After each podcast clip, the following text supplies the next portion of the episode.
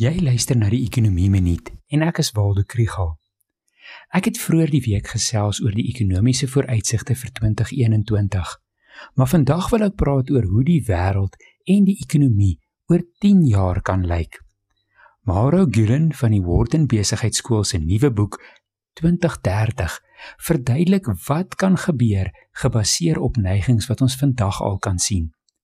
Ek het 'n indicator potgooi hieroor geluister en wil graag meer daarvan vertel. Hy onderskei tussen drie soorte neigings: die wat te doen het met die bevolking, met die ekonomie en ontleikende markte en met tegnologiese neigings. Sy tegnologievoorspelling is dat daar teen 2030 meer nywerheidsrobotte gaan wees as werkers in die vervaardigingssektor.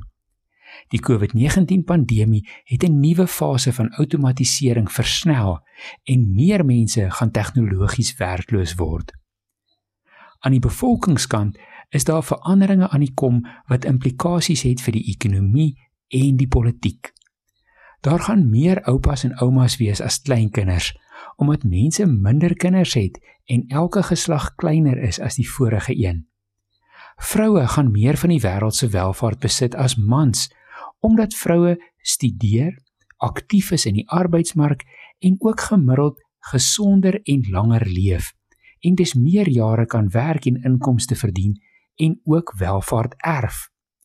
Laaste gaan die wêreldekonomie gedryf word deur die nie-westerse Asiatiese verbruiker. Elkeen van hierdie is groot en kragtige belangegroepe wat nie deur maatskappye, handelsmerke of politici geïgnoreer kan word nie. As jy wil reg staan vir die toekoms, vra hoe skakel jou werk of besigheid met ouer mense, vroue of die Asiese middelklas?